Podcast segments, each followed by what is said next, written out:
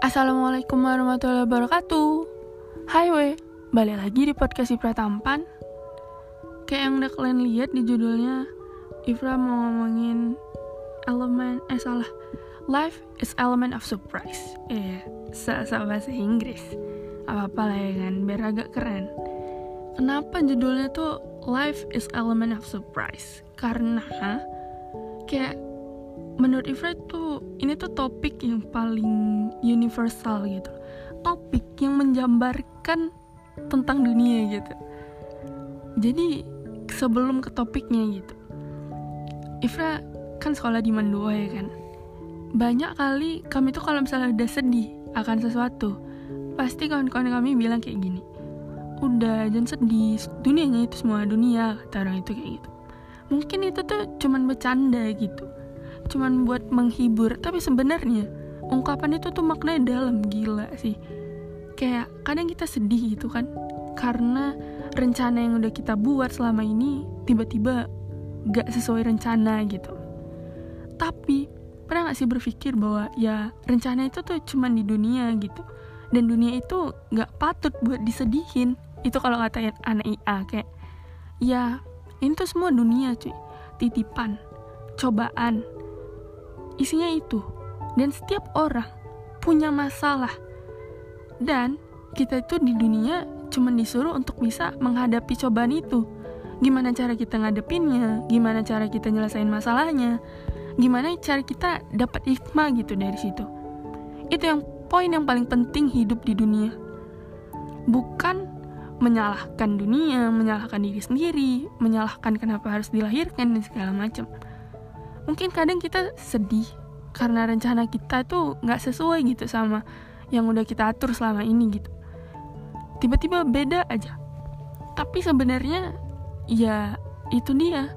Hidup itu elemen of surprise. Hidup itu tuh ada kejutannya gitu loh. Jadi jadi masalah itu tuh juga kejutan gitu. Setiap orang itu punya masalah. Siapa pun itu bahkan kayak walaupun kita ngelihat orang lain kayak gini ih gila ya hidup dia enak kali sumpah. Ngeliat SG dia hidup kayak gitu orang kaya segala macem. Padahal sebenarnya kita nggak tahu dia juga punya masalah. Cuman dia nggak bilang sama kita. Kayak tau gak sih yang di TikTok TikTok yang viral itu? Yang orang sedih kalau di sendirian tapi kalau sama orang-orang bahagia gitu-gitu. Dan dari situ tuh sebenarnya kita udah bisa ngeliat kan bahwa setiap orang tuh sebenarnya punya masalah. Cuman, kenapa sih kita tuh ngelihat orang lain tuh lebih beruntung dari kita? Kenapa coba? Karena cara berpikir orang yang beda-beda, cara nyelesain masalah orang yang beda-beda.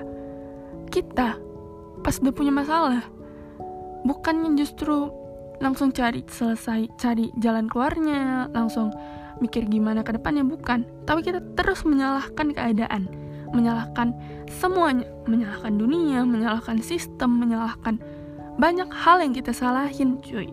Padahal sebenarnya banyak orang-orang di luar sana yang ketika dia dapat masalah, dia bukan menyalahkan, tapi dia langsung cari jalan keluarnya, terus langsung dia pikirin ke depannya gimana, bangkit dari masalah itu dan ya udah kayak gini. Pas kita udah punya masalah nih gitu kan satu hari, ingat aja besok tuh masih ada lagi hari baru gitu ya kita bisa nyelesain dan kalau belum selesai masalahnya bisa selesain bisa diselesain besok gitu. Dan seterusnya gitu. Jadi intinya ya life is element of surprise. Hidup itu penuh dengan kejutan. Banyak hal-hal yang gak terduga, gak terencana, dan bahkan yang gak kita mau gitu. Kayak contohnya corona ini, Kita sebagai angkatan 2020 sering kali diejain kayak gini eh angkatan corona enak lah ya. Lulus jalur giveaway nggak pakai UN gitu-gitu kan. Padahal sebenarnya ya loh kita kan nggak nggak mau juga ada corona gitu kan. Kita juga mau perpisahan segala macam. Tapi mungkin ya itu orang-orang cuma bisa ngelihat dari sisi perspektif yang itu gitu. Padahal sebenarnya itu sama sekali nggak direncanain kan. Cuman kita ya sebagai orang yang menjalankan kayaknya lebih baik daripada kita menyalahkan sesuatu sistem menyalahkan virus menyalahkan negara orang lain gitu. Lebih bagus kita tuh coba ambil hikmahnya dan buat gitu. Apa ya? Oh ya udah corona bisa buat aku belajar buat ini. Dan beberapa hal lain yang kayak misalnya gini selain itu tuh kayak UTBK gitu. UTBK gara-gara corona sistem bener-bener diubah. Gila. Dan aku kan ngeliat gitu kan di Twitter gila sih banyak kali yang protes segala macam oke okay, itu opini orang yang beda-beda gitu. Cuman gini ketika kita protes ketika kita nyalahin sistem nyalahin sibuk nyalahin apa pun semua kita salahin gitu. Inget orang lain di luar sana ada yang sama sekali nggak menyalahkan itu. Dan dia langsung bangkit langsung berprogres. Bayangin cuy dia yang udah belajar TK asosum saintek segala macem Habis itu dia langsung bangkit buat belajar TPS. Buat belajar semuanya. Dari awal lagi. Sedangkan kita, kita cuma bisa nyalahin. Nyalahin pemerintah, nyalahin corona. Nyalahin, nyalahin, nyalahin terus. Padahal di luar sana orang-orang udah pada berprogres semua. Akhirnya apa? Akhirnya kita ketinggalan. Setelah kita ketinggalan, kita gagal. Terus apa? Kita nyalahin diri kita sendiri. Nyalahin keadaan lagi. Kalau kita terus-terusan jadi orang yang suka menyalahkan ya gitu terus. Hidup kita penuh dengan menyalahkan sesuatu yang sebenarnya nggak perlu disalahkan gitu loh. Kayak nggak ada yang salah gitu di dunia ini. Emang kayak gitu cara kerja dunia gitu. Emang kayak gitu cara kerja dunia di mana dunia itu nggak ketebak. Kita tuh bisa nyusun rencana gitu. Dan kita bisa berusaha berdoa juga bisa. Cuman semuanya itu udah ditentuin sama Allah. Apa pun yang terjadi apa pun ke depannya kita tuh nggak tahu kan sama sekali. Jadi Allah alam gitu loh. Jadi ya kita tuh sebagai manusia ya ini kodratnya menjalankan dan berusaha. Bukan memprotes dan terus menyalahkan. Ya nggak apa-apa sih kalau mau menyalahkan tapi jangan berlarut-larut. Sampai akhirnya lupa bahwa kita tuh juga punya hidup gitu. Kita tuh harus jalanin hidup ini. Nggak cuman untuk nyalahin gitu. Pas kita ngelihat orang lain kadang kita tuh selalu aja nyalahin gitu. Sampai kita juga menyalahkan orang-orang yang lebih beruntung dari kita. Bahkan kita bilang kayak ah iyalah dia enak dia pintar dia cantik dia segala macam. Padahal sebenarnya kita nggak tahu apa yang dia lakuin selama ini gitu. Jadi coba kalau misalnya ada masalah apa pun sesuatu yang nggak terencana sama sekali coba hindari kebiasaan untuk menyalahkan sesuatu. Protes segala macam. Boleh sih protes. Cuman protes ke kehidupan protes ke keadaan itu menurut Ifra gak etis gitu. Kenapa? Karena kalau kita protes sama kehidupan berarti kita protes ke Allah. And it's not fair. Gitu Allah tuh siapa? Kau tuh siapa? Gitu. Dan emang sih hidup itu penuh sama yang namanya kejutan kejutan yang Ipra maksud itu kayak contohnya cobaan, masalah dan segala macam, kegagalan juga. Jadi betul-betul orang ini tuh campur aduk gitu loh tiga biji ini. Dan bikin kita tuh kadang sampai nggak tahu mau apa. Kayak kadang kesel aja gitu. Nggak mau lah nggak mau apa-apa mager mau aja mau bobok gitu. Padahal kan kita tuh harus ngeliat gitu di luar sana orang-orang pada berprogres tanpa memikirkan keadaan yang sebenarnya gak terencana gitu loh. Dan orang-orang yang kayak gitu tuh mungkin dia sering gagal tapi bisa juga dia sukses gitu. Jadi Ifra mau curhat dikit. Beberapa hari itu kemarin ya Ifra nonton Itaewon Class. Itu tuh drakor sebenarnya ya drakornya klise sih tentang kayak tentang gimana orang supaya bisa sukses gitu. Cuman dengan cara bangkit coba lagi bangkit coba lagi. Sebenarnya klise kali klise. Tapi di drakor itu tuh bener-bener ngeubah cara pikir Ipra tentang kegagalan. Sumpah bagus sekali weh. Jadi di drakor itu kayak gini. Kita boleh aja gagal gitu tapi ya udah kalau kita gagal ya nggak apa-apa diri aku tetap kayak gini gitu. Kalaupun misalnya ada yang pukul aku dengan kuat ya nggak apa-apa. Itu justru membuat aku jadi lebih kuat. Itu yang kata dia. Terus banyak lah pokoknya kata-kata yang menurut Ifra bener-bener ngeubah cara pikir Ifra tentang gagal gitu. Kayak kan Ifra udah pernah bilang untuk jangan takut. Kenapa takut gitu. Karena yang gini kalau kita gagal akan ada seribu satu cara lagi untuk bisa maju untuk bisa ke depannya jalanin hidup ini gitu loh. And it's not jadi gagal itu tuh bukan ending dari dunia ini gitu loh. Tapi gagal itu adalah bagian dari cerita sukses kita nanti untuk kita ceritakan. Gagal tuh bukan akhir ingat itu gagal tuh bukan akhir. Gagal tuh cuman bagian dari seberapa beberapa episode dalam hidup gitu loh bukan endingnya bukan. Jangan kayak gitu gagal itu cuman beberapa bagian dari episode hidup kita. Ingat itu. Gagal adalah bagian dari cerita sukses kita. Gagal bukan akhir dari segalanya. Akhir dari segalanya itu apa? Akhir dari segalanya itu adalah ketika kita nyerah putus asa dan cuman pasrah. Pasrah tapi sama sekali nggak ada ngelakuin apa pun. Padahal sebenarnya itu tuh nggak gitu gitu. Pas pernah nonton Itaewon Class itu. Kayak dia gagal nih ya udah abis itu nanti dia coba lagi. Gagal dia coba lagi. Yang terpenting bagi dia adalah ya dia itu bisa melakukan itu gitu. Yang penting dia yakin sama diri dia sendiri. Walaupun dia gagal tapi bisa coba lagi. Walaupun dia dipukul orang itu ngebuk malah ngebuat dia jadi lebih kuat. Gitu loh. Dan di sini nih kebetulan hari ini itu hari untuk pengumuman SNM gitu. Kayak mana weh? Ada mungkin yang seneng ya. Ada juga yang mungkin kurang enak moodnya. Tapi ya ya itu tadi. Life is element of surprise. Hidup tuh penuh dengan kejutan termasuk SNM ini. Mungkin Ifra mau bilang kayak uh, Ifra gak tahu ya apa yang kalian rasain tentang SNM tadi pengumuman. Soalnya jujur aja Ifra uh, gak masuk kuota SNM dari awal gitu. Dan itu ngebuat Ifra cukup hancur sih waktu itu. Tapi sekarang Ifra ngerasa bahwa gak apa-apa gitu. Itu bagian dari cerita aku gitu. Karena ya gak lulus SNM bukan berarti aku tuh gak bisa jadi apa-apa toh ya nggak? Masih bisa jadi yang lain. Kalau misalnya nggak lulus SNM Ifra ya kalau Ifra. Ifra masih bisa ikut UTBK nggak lulus UTBK masih bisa ikut mandiri. Nggak lulus mandiri masih ada kedinasan. Nggak lulus kedinasan masih ada swasta.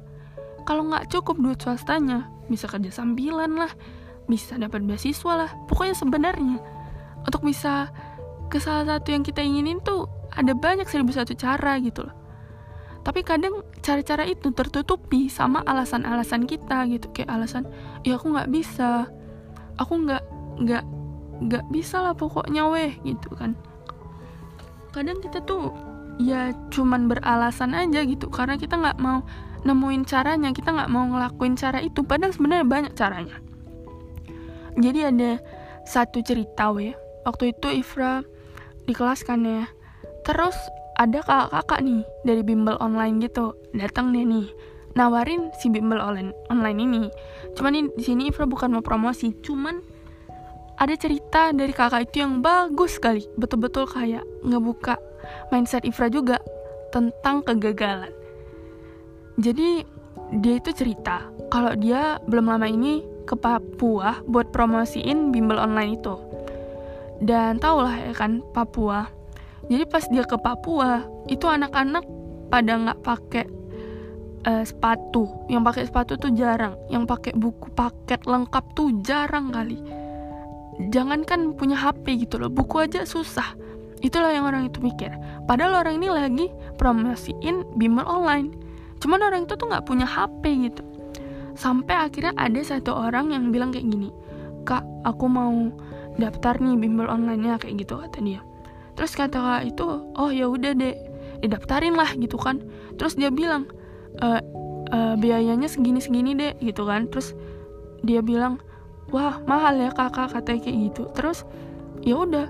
Tapi dia bilang uh, terus dibilang kak itu kan loh jadi gimana nih dek? Katanya kayak gitu. Terus dibilangnya tenang kak gitu. Saya bisa cari cara lain katanya. Dia minjem sama kepala desanya. Mama sama bapak yang jual kerbau sama babi terus banyaklah pokoknya yang ngebantu dia untuk bisa bimbel bahkan cuma bimbel online. Terus akhirnya singkat cerita dia daftar lah gitu kan. Udah daftar udah punya akun. Sampai akhirnya dia bilang kayak gini e, kakak itu bilang dek kenapa nggak dibuka-buka uh, akunnya? Gitu. Terus dia bilang kak saya tidak punya laptop sama HP dia bilang kayak gitu. Kakak itu pun terkejut ya kan. Ih gila kok bisa lah daftar tapi nggak punya HP nggak punya laptop gitu padahal kan ini bimbel online gitu.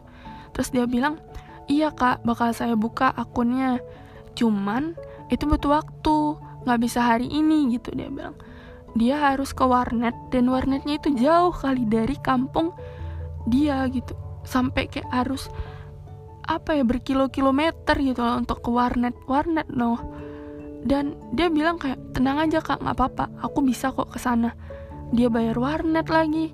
Terus dia jalan lagi ke sananya. Coba bayangin. Terus singkat cerita lagi. Ternyata dia lulus di FKUGM gila kan? Lulus FKUGM loh.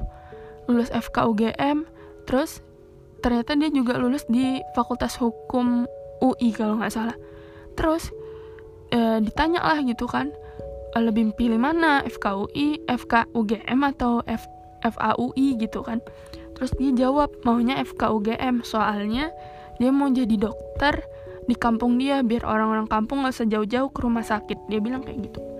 Dan dari cerita ini tuh Ifra menyimpulin bahwa sebenarnya ketika kita tuh punya sesuatu hambatan yang membuat kita tuh terhambat tuh bukan apa-apa gitu loh.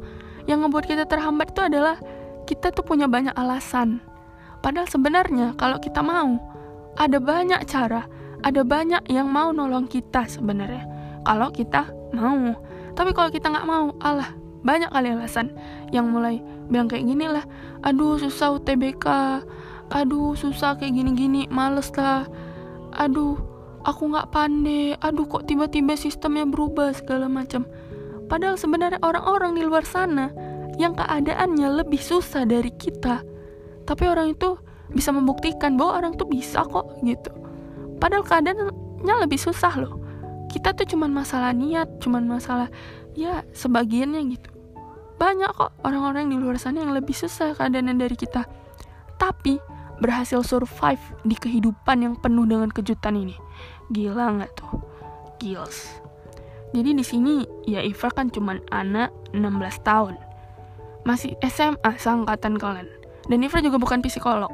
Ifra ngomongin ini cuman berdasarkan opini-opini yang Ifra dapetin ya dari mulai film, dari mulai cerita orang lain, bahkan dari mulai kisah Ifra sendiri gitu.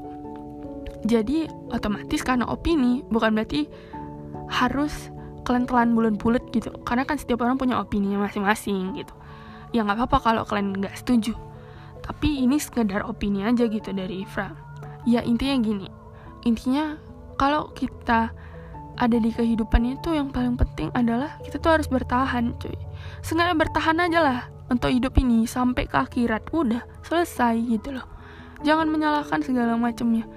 Boleh kita sedih boleh kita nangis boleh kita kesel kecewa segala macam boleh. Tapi tolong jangan pernah menyalahkan siapa pun.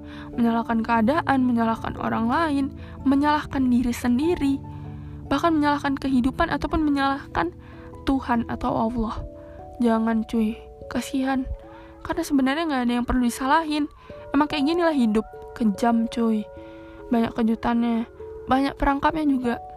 Tapi emang kayak gitu, bertahanlah. Sampai akhirnya kita jumpa akhirat. Udah selesai. Slow aja kalian. Terlagi kayaknya kalau dari spoiler Netflix, Dajjal udah mau turun. Dah, oke, okay, bye-bye coming soon lah akhiratnya.